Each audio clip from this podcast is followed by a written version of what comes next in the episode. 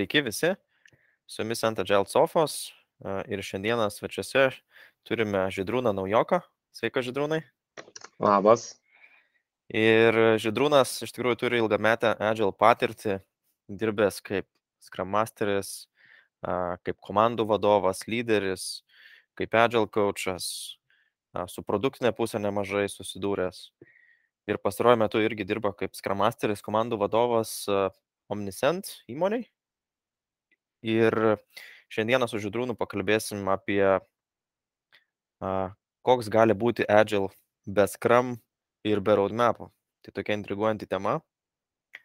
Bet prieš pradedant apie pačią temą, norim visiems priminti, jeigu no, jums patinka mūsų podcastai ir norite mus paremti, galite tai padaryti Patreon platformoje. Arba daugiau informacijos apie Mūsų podcastus taip pat galite surasti ant agilsofos.lt. Ir manau, su, su tuo mes galime pradėti, ar ne, Šidrūnai? Tai sakyk, kaip jūs darote Agile be skramo ir roadmap? Kur čia paslaptis? Reiktų pradėti nuo to, kad kodėl mes atsisakom. Ir tai, na, tam tikrų dalykų atsisakom, tam tikrų dalykų iš tikrųjų neatsisakom. Tai pavyzdžiui, jeigu paimsim roadmapus, tai mes jų neturim. Ir, ir visiškai esame atsisakę ir čia aš manau labai geras testas kiekvienai organizacijai būtų, tai kaip dirbti be roadmapų. Nes roadmapai tai jie sukuria tokį saugumo jausmą, kad turi tu planą, tai aišku, ten yra visokių tų niuansų, e, nepavyksta laiku padaryti ir visokios tos praktikos naudojamos, kaip ten greičiau integruotis, kaip greičiau failinti ir panašiai.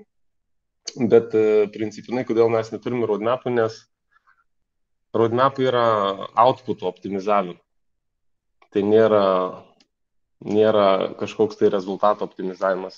Tai jeigu taip išskirti į tris lygius yra outputas, tai funkcionalumas, kurį mes padarome, tada yra outcomas, kur su tuo funkcionalumu pakeičiam userių behaviorą kažkokį. Ar ne, ir, ir tau arba pavyksta pakeisti, arba nepavyksta pakeisti. Jeigu nepavyksta, tai reiškia tiesiog išleisti pinigai negana to, kad išleisti pinigai, tai reiškia ir dar palaikyti turėsi eigoje tą funkcionalumą, kurį padarai. E, tai, tai outcomas yra user behavior changes, na ir tai metinasi paprastai taip vadinamą tą impactą, tai jau kažkokį tai verslo rezultatą, sakykime. Nu tai organizacijos lygmenį natūraliai norisi turėti tikslus ar siekti daryti impactą, bet e, paprastai komandų lygmenį žiūrima, kaip, kaip generuoti tą outcome, kuris tą impactą įtakoja, sakykime taip. Tai va, tai roadmapai, jie, jie nekalba apie, nei apie impactą, nei apie outcome. Žinoma, ten galima pritempinėti, bet tai yra vis dar pritempinėjimas. Pirmą suplanavai, ką daryti, o paskui pradedi galvoti, tai čia gausis dabar tos naudos ar nesigaus.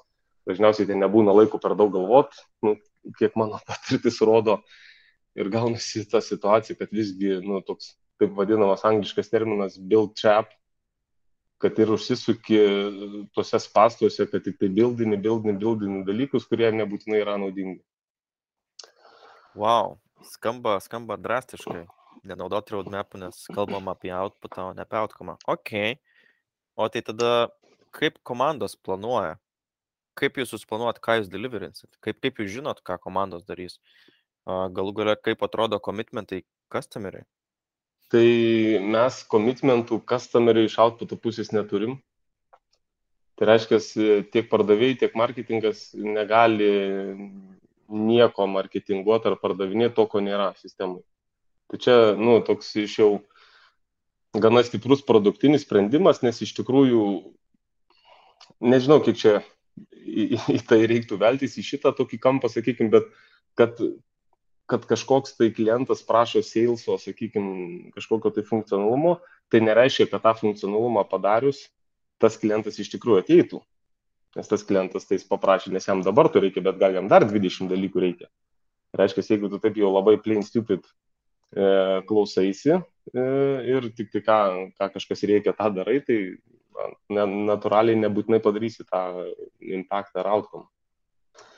Kitas dalykas, e, tai vėlgi niekaip e, klausymasis vien nu, arba, nu, tokia kaip ir sales driven organizacija turėjimas, nereiškia, kad čia yra didžiausias impaktas, kokį tu gali padaryti. Ir vėl tada, ar ne, gali būti, kas garsiau reikia, ar kas didesnius antpešius turi, tas ir nugali. Tai va, tai vėl yra čia tokie kaip ir build, tie patys build trap. Tai kad dirbti kitaip, tai nu, visų pirma reikia labai stiprių produktistų. Nu, bet kas ir yra natūralu, jeigu esi produktinė organizacija, tai iš to pačio žodžio prasidedanti rolė ar pozicija ir turėtų būti, ko gero, viena stipriausių. Ir kaip mes dirbame, tai, tai pas mus tas outputas tai yra jau paskutiniai vietai planuojamas. Viskas prasideda nuo realiai arba impacto, arba nuo e, outcome. Tai komandų, organizacijos lygmenį turim paprastai OKR'us, naudom OKR'us, e, turim apie impactą, nu, tai ten gali būti įvairūs, nu, kaip jo organizacija pasirinka, kaip matuoja savo progresą, ar net galų gale gali pinigais ten matuoti, ar paying customeriais, ar kaip jie ten nori. O komandos jau tada planuojasi į kažkokį userių behaviorą. Tam nu, gali prireikti ir ten, ką mes, pavyzdžiui, turim Norstarų frameworką, E, nors ar metrikų frameworką, tai reiškia, kad nu, turi tokį tarsi medį ir tu matai, kurios metrikos. Iš savo dėtos turimos matai, kokios metrikos tą impactą ar verslo rezultatą įtakoja, na ir komandos planuojasi iš principo, kaip tas metrikas pajudinti. Ir tik tada, jau kai tu susiplanuoji tuos okerus, sakykime, tik tada jau pradedi realiai planuoti tą outputą. Tai tu iš esmės kalbėjai, kaip būti outcome driven, o ne output driven organizacija. Ne? E, žiūrėti, ką mes norim pasiekti, kaip mes norim pakeisti uh, savo, savo komandų, žmonių behaviorą, o ne uh, sukurti kažkokią vertę, nežinia, ar, ar ta vertė net reikalinga ar ne, ir, ar kažkokį produktą. Taip. Ir natūraliai labai daug iššūkių atsiranda, nes tas čia toks atsiranda tikresnis tas agility. Nėra laiko pasirašinėti, kai turi roadmap ir ten atrodo, ai, per dvi savaitės padariau feature, bet kad tris mėnesius prieš tai ten jį refaininai, tai tipo čia nesiskaito. Iš tikrųjų tai yra, jeigu tris mėnesius refaininai, tai yra trys, savait, trys mėnesiai ir dvi savaitės. Tai kai visą šitą išmeti, refinement iš vis kaip tarkim nebelieka, tai tada, kai tu jau prieini prie outputo planavimo, ten yra daug dalykų neparuoštų, ar ne, tai mes neturim jokių ten, kad backlogo itemas kažkoks su ten acceptance kriterijai, ten nėra laiko tada tokiem dalykam, kad kažkas ten imtų ir aprašinėtų, visa komanda realiai tikrai atsiranda tas cross funkcinė, ta cross funkcinė komanda, kur betarpiškai bendradarbiaudami kuo greičiau eina per tas e, stadijas.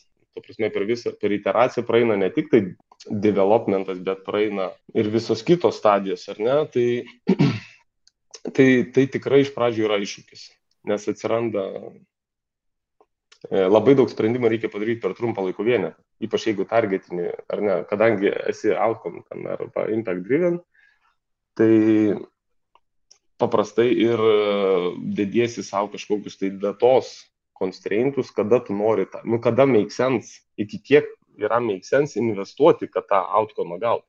Nes jeigu tu toliau ilgiau užtruksi, reiškia, jau doesn't make sense galbūt, ar ne? Tai tada atsiranda ir toks time pressure. Ir tas time pressure reiškia, iteracija tikrai da, trumpėja, pasiruošimo nėra ir tada per tą trumpą iteraciją reikia viską, viską padaryti. Labai daug sprendimų atsiranda, todėl pradeda keistis visiškai ten procesai, po minimum du stand-upai per dieną atsiranda ten ir panašiai, nes daug dalykų reikia nuspręsti, kurių tu tiesiog negali būti pasiruošęs. Tai wow. inžinieriam iš pradžių paskauda galvą, bet perpranta. O tada įdomu, kaip atrodo pats executionas, nes skamba, kad labai yra tokia eksperimentinė aplinka, kas yra turbūt labai fainai turėti, kur, kur kaip pats minėjai, nereikia pasiruošti ar ne, mes mes negalim pasiruošti, nes nežinom, ką mes darysim. Mes žinom tiesiog turbūt kokį outcome norim pasiekti, užsistatom savo deadline'us. Čia viskas skamba uh, labai teisingai iš šaukjarų pačio ar ne uh, modelio. Ir kaip tada tas pats executionas atrodo, nes čia turbūt reikia daug eksperimentavimo, negalim susiplanuoti, kaip komanda dirba. Tai mes naudojam dar tokį GISTO frameworką.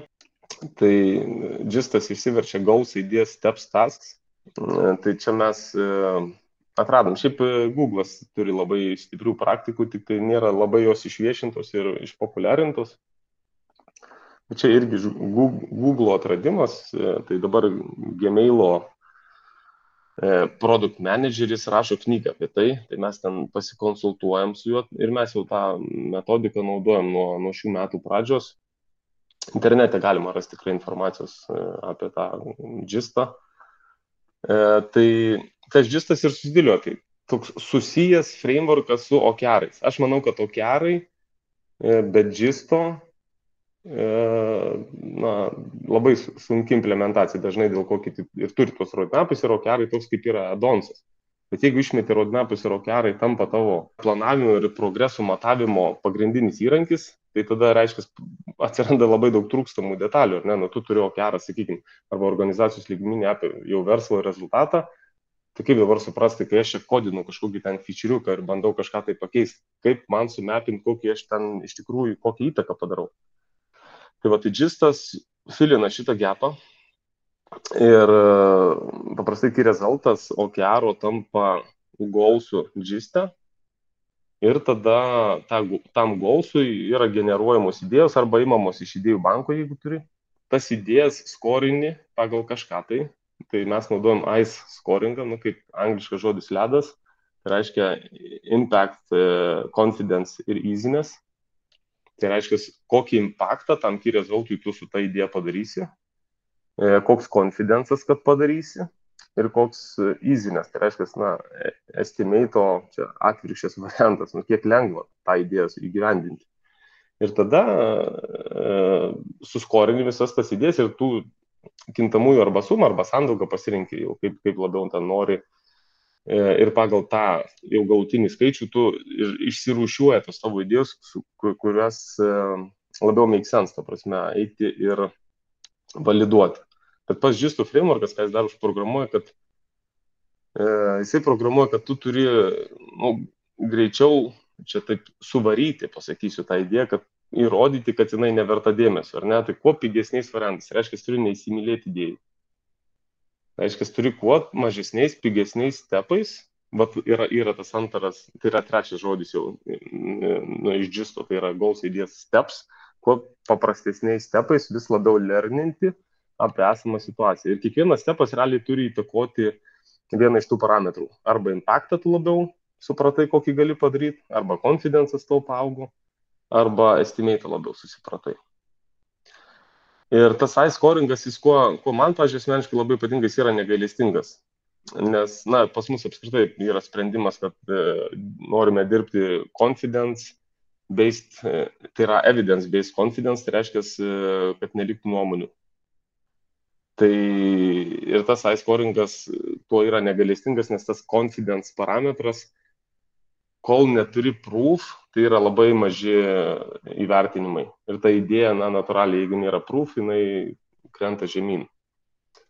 Tai, pažiūrėjau, jeigu ten pusė organizacijos įsitikinę, kad ta idėja yra gera, na, tai ten gausi kokį 0,1 iš 10 įvertinimą va tam parametrui, bet jeigu jau tu turi su eksperimentu kažkokią data, kuri jau prūvina, labiau prūvina, kad ta idėja yra geresnė, tai jau ten gali sakyti, keturis kokius gauti, ar ne, dešimt gauni tada, kada produkšinė iš tikrųjų pasiektas tikslas. Ok, skamba labai įdomiai, tarsi ar ne visas toksai kon konceptualus frameworkas, kurį susidėliojot nuo OKR, ar ne, pereinant per tą žemesnio lygio implementavimą GISTą, su kuo komandos dirba, iki pačių idėjų vertinimo, kurias idėjas pasirinkti. Čia man skamba tarsi eksperimentai.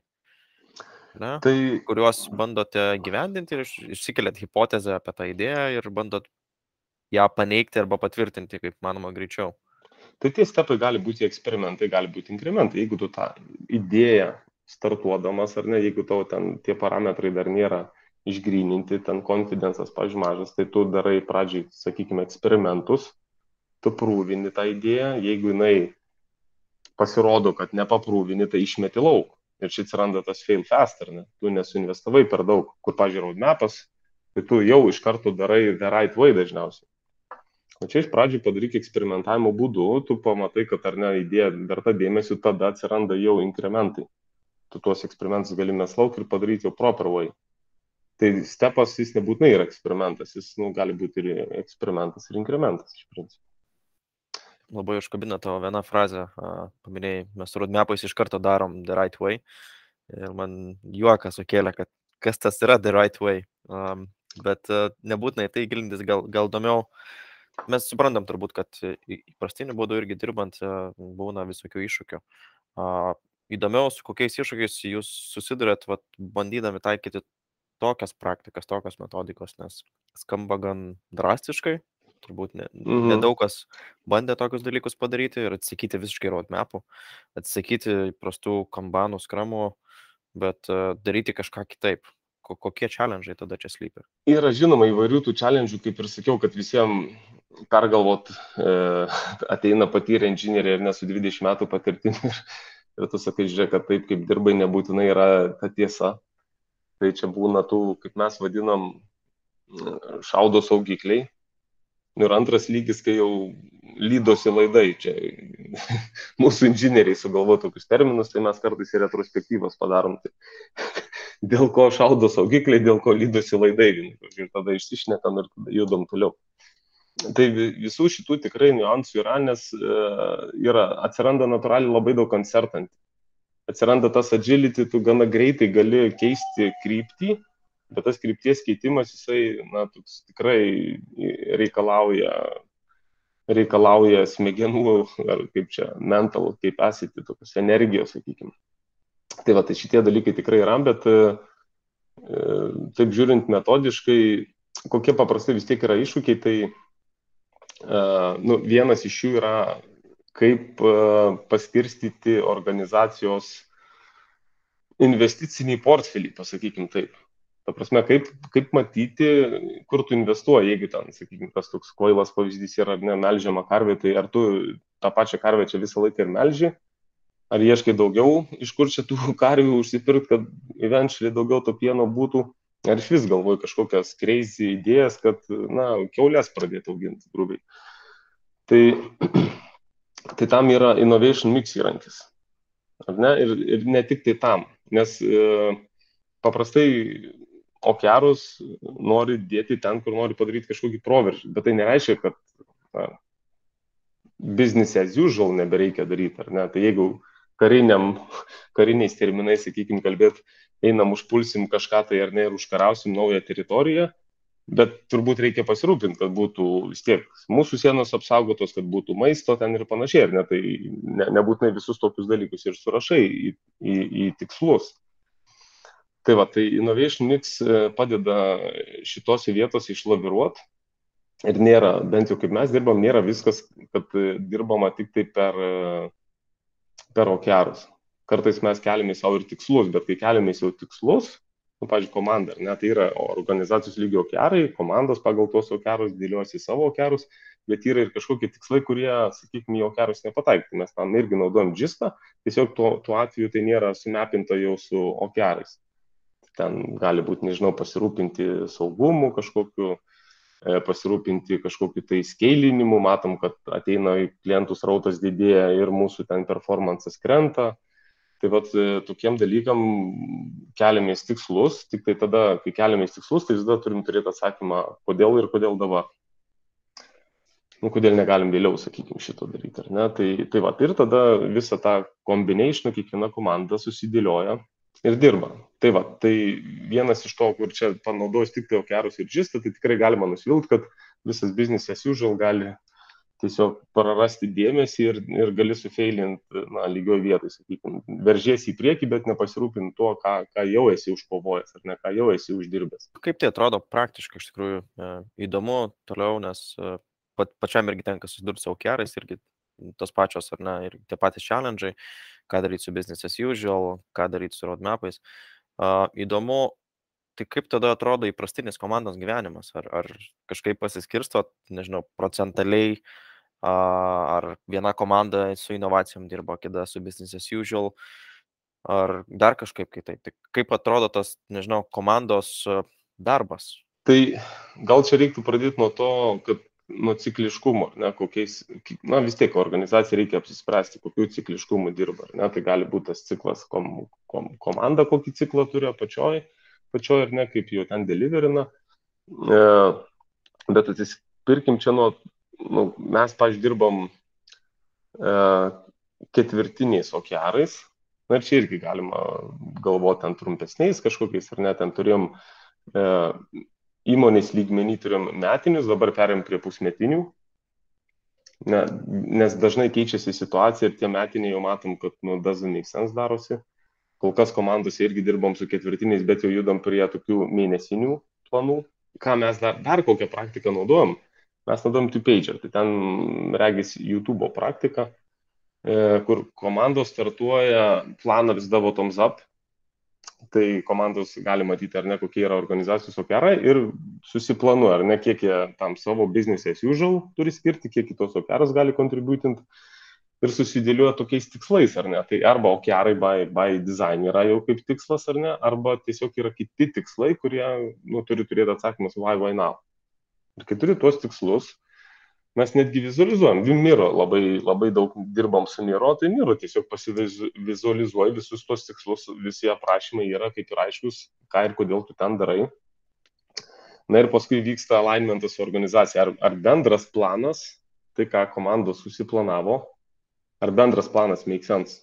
Nes, na, nu, kaip yra tos situacijos, ar ne, jeigu turi ten 20 komandų, tai kiekvienos, tai visų jų suma gali būti mažiau, negu žiūrint taip labai lokaliai, ar ne, gali būti, kad e, lo, lokalų maksimumą bando komandos pasiekti, ar ne, ir tada žiūri, ar make sense tai yra organizacijos mastu ir čia pasitarnauja tas innovation mix. Kada organizacijos mastu tu pamatai visų tikslų tą visumą, kiek tai kontributina į tavo, sakykime, esamos karvės melžimą, kiek tai yra naujų paieška, kiek tai yra nu, kažkokiu tai crazy idėjų, ką mes vadiname speculative bets. Ar ne, ir tada tu žiūri, ar tai make sense pagal kontekstą, kurį tu kaip suvoki, koks dabar kontekstas yra markete, koks kontekstas yra organizacija, ar make sense va toks um, pasiskirstimas. Ir jeigu ne make sense, tai tada yra nu, daromi persitarimai. Kai galų gale persitari, ar ne, tada susitari, kokius visgi komandos, įvyksta net ir rešaflai komandai, jeigu reikia. Ar ne, jeigu matom, kad jau ilgalaikės, ilgalaikiai perspektyvoj atrodo, kad current setupas nu ir kokie matosi tikslai, kokius komandos kels, it doesn't make sense tokie daugiau. Ne? Ir tada va, čia ir yra agility pagal mane irgi, kad komandų struktūra prisitaiko prie besikeičiančios situacijos. Ir jeigu matom, kad rinkoje keičiasi situacija, arba mes norim keisti situaciją rinkoje ir šiaip norim keistis, ar ne, tai tada e, per tą, bet grinai tai toks natūralus, ar negaunasi, nes per, per tikslus pamatai per ilgalaikiškesnius kažkokius tikslus, per ten marketo trendus ir panašiai, susidėlioji netgi pamatai, kad jau reikia keisti komandų setupą. Tada pasikeiti galų galę ten, jeigu reikia, jeigu nereikia, nesikeiti, bet galų galę užfiksuoji, kokius komandos tikslus turi. Nu ir tada džistas. Ir mes ten, sakykime, džyrą išmetėm, na, ne visai completely, ten tik tai bagai krenta, nes yra tai automatizuota, mhm. o visas kitas darbas yra miro. Labai stipriai vizualizuojam ir tada vizualizuojam tos stepus, padarai ten frame iš principo mhm. ir tame frame apsirašai, apie ką šitas stepas, ten kokia hipotezė, kaip ją validuosi, kaip matuosi, ką reiškia padarytas, kas inskaup, kas neinskaup, grinai apsirašai ten kur nors kamputį ar ne, kad visiems būtų labai aiški ta informacija, na ir paskui tą darbą skaldai į kažką jau planuoji tą outputą, kai pasieksi, užsidėti ten visokius target datus mes naudojam, e, kad, nu, irgi galėtume sekti, sekti savo progresą. Tai, va, tai čia reiktų gal parodyti fiziškai, bet, bet principė, kaip ir sakau, kadangi solutionas patampa labiau toks flexible, ar ne, nes atspirties taškas yra norimas outcome rezultatas, solutionas darosi šiek tiek flexible, tai reiškia, tas replaningas jis toks natūralus kasdienis procesas vyksta.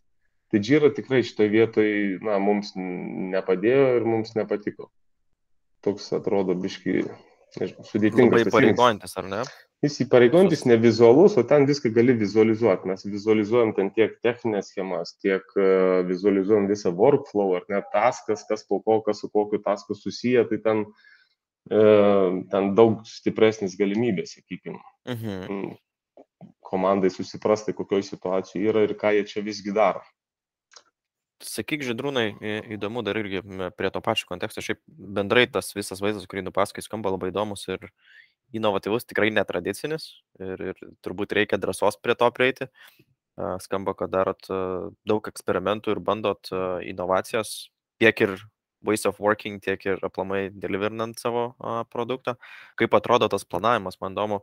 Ne tiek planavimas komandų lygmenį, bet kiek, kiek komandų interaktina viena su kita siekiant pasiekti tų ir netikslų tų outcome. Jeigu komandos matosi, kad koma, planas, ką komanda susiplanavo, yra make sense ir nu, stengiamės, kad būtų loosely couple tokia sistema. Mhm. Ar ne, kad komandos kuo labiau izoliuotai galėtų, galėtų daryti impactą jeigu nutinka taip, kad jau matosi, kad keičiam kryptį, o tos krypties keitimas, reiškia, įtakoja net ir architektūros pokyčius ir, ir taip toliau, tai tada natūraliai atsiranda dependencijai. Ir tada jau čia irgi vienas iš iššūkių, kas gali būti, atidavus per daug to empowermentų, gal komandom, sakykime, mhm. kurios nu, pradeda nebesisinkinti tarpusavyje ir nueina į tą lokalų maksimumą arba iš vis jokį maksimumą, kiekvienas padaro, visi galvoja, kad padarė, bet realiai rezultatų kažkokiu tai nėra. Tai, tai jo, šitie pavojai irgi taip pat yra, tai su tuo dylinam dabar iš tokios pusės, kad turim directions, turim tokias kaip ir misijas, ir tada dedamės, ką reiškia misija pasiekta ir tada vėlgi mažiau lieka tos in, interpretacijos komandų lygmenį. Tai mes padarėme, irgi, bet nu, rezultato nėra, tai kas ką padarė, mažiau jau tampa įdomu. Progresų matavime, ne, ką, kas ką padarė, tai yra tiesiog jau komandų kolaboravimo reikalas, bet jeigu tu matuoji progresą, kad misija arba pasiekta, arba tu link jos paėjai, arba nepaėjai, tai kaip ir visiems pasidaro aišku. Ir tai natūraliai engagina komandas kolaboruoti tarpusavį nu tai čia kaip ir yra posakis ar ne paskui kaip man matuosi aš aš aš prisitaikysiu prie to tai nu tai natūraliai tai reikia susidėliot teisingas matavimo sistemas jūs matuojat ne komandų ar ne performansą ką šiuo atveju ką paminėjai bet iš esmės e, progresą link tikslo pasiekimo kurį išsikėlėt sau e, organizacijos lygmeniu Taip. Kas ir skatina komandas tarpusavį dirbti siekiant to tikslo, o ne parodyti, kad mes geresni arba, arba kiti geresni. Taip, tai va, tai aš apskritai tokio požiūriu, kad e, stengiuosi iš, iš vaizdo, kai jau kalbam apie progresą tikslus, eliminuoti e, organizacijos struktūrą. Tiesiog yra tikslai ir paskui organizacijos struktūra prie to na, turi taikytis iš esmės. Tai aišku, tai ne, nereikia padaryti chaosų, kad čia kitą savaitę pasikeitė prioritetai keičiamis vėl, nu, tai čia gausis tokia nesąmonė, nes tada e, visas komandiškumas griūna. Ne, nu, tai natūraliai, komanda performinanti geriausia yra tada, kai jinai susibildina, mhm. susidirba. Ar ne, bet jeigu, nu, tu matai, kad tau jau visus metus tikrai planuoji eiti šitą kryptim, nes tai matai iš marketo informaciją kažkokią ar ne, tai, tai tada, nu, reiškia, o dabartinis komandų setupas nu, niekaip tam nepadeda ir ten ar krūva dependencijų, kad tik tai tuos tikslus pasiektų, tai tada reikia kažkokiu tai pokyčiu natūraliai. Dar, sakyk, žydrūnai, vienas toks įdomus momentas, kurį paminėjai, iš tikrųjų dabar a, trendina, darosi madinga ir tu apie tai užsiminėjai šiek tiek, a, apie komandų ilgamžiškumą. Short-lived versus long-lived teams. Ir yra žmonės, kurie pasako, kad svarbu turėti long-lived teams, nes mes norim suburti komandą, užauginti pasitikėjimą, padaryti high performing teamą, o, o tuo tarpu kiti sako, kad mes turim būti lankstus ir leisti komandom pristaikyti prie aplinkybių ir, ir jas išskaidyti, vėl suburti ir girdžiu, kad jūs krypstat link, link šitos pusės.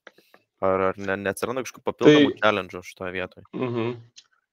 Aš sakyčiau, kad balansuojam. Nu, ta prasme, tai na, natūraliai, jeigu reikia labai trumpam, tai tada doesn't make sense, ar ne, ta prasme, daryti shiftą. Bet, bet jeigu matai, kad reikia, tai darai. Tai čia aš manau, kad, na, nu, kaip ir visur atsakymas yra balansavimas. Tai nėra, kad vienam ekstremume yra gerai arba kitam ekstremume yra gerai.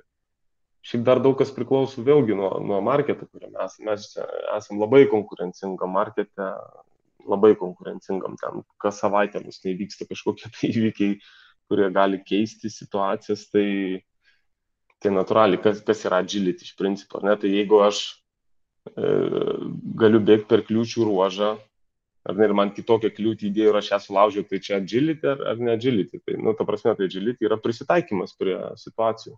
Tai arba prisitaikai, arba neprisitaikai. Tai aš ne, nežinau, nemėgstu stereotipiškai mąstyti, ar ten long live, ne long live, čia, nu, netame esmė, tu arba pataikai tai, ko tau reikia kaip organizacija arba ne ir viskas.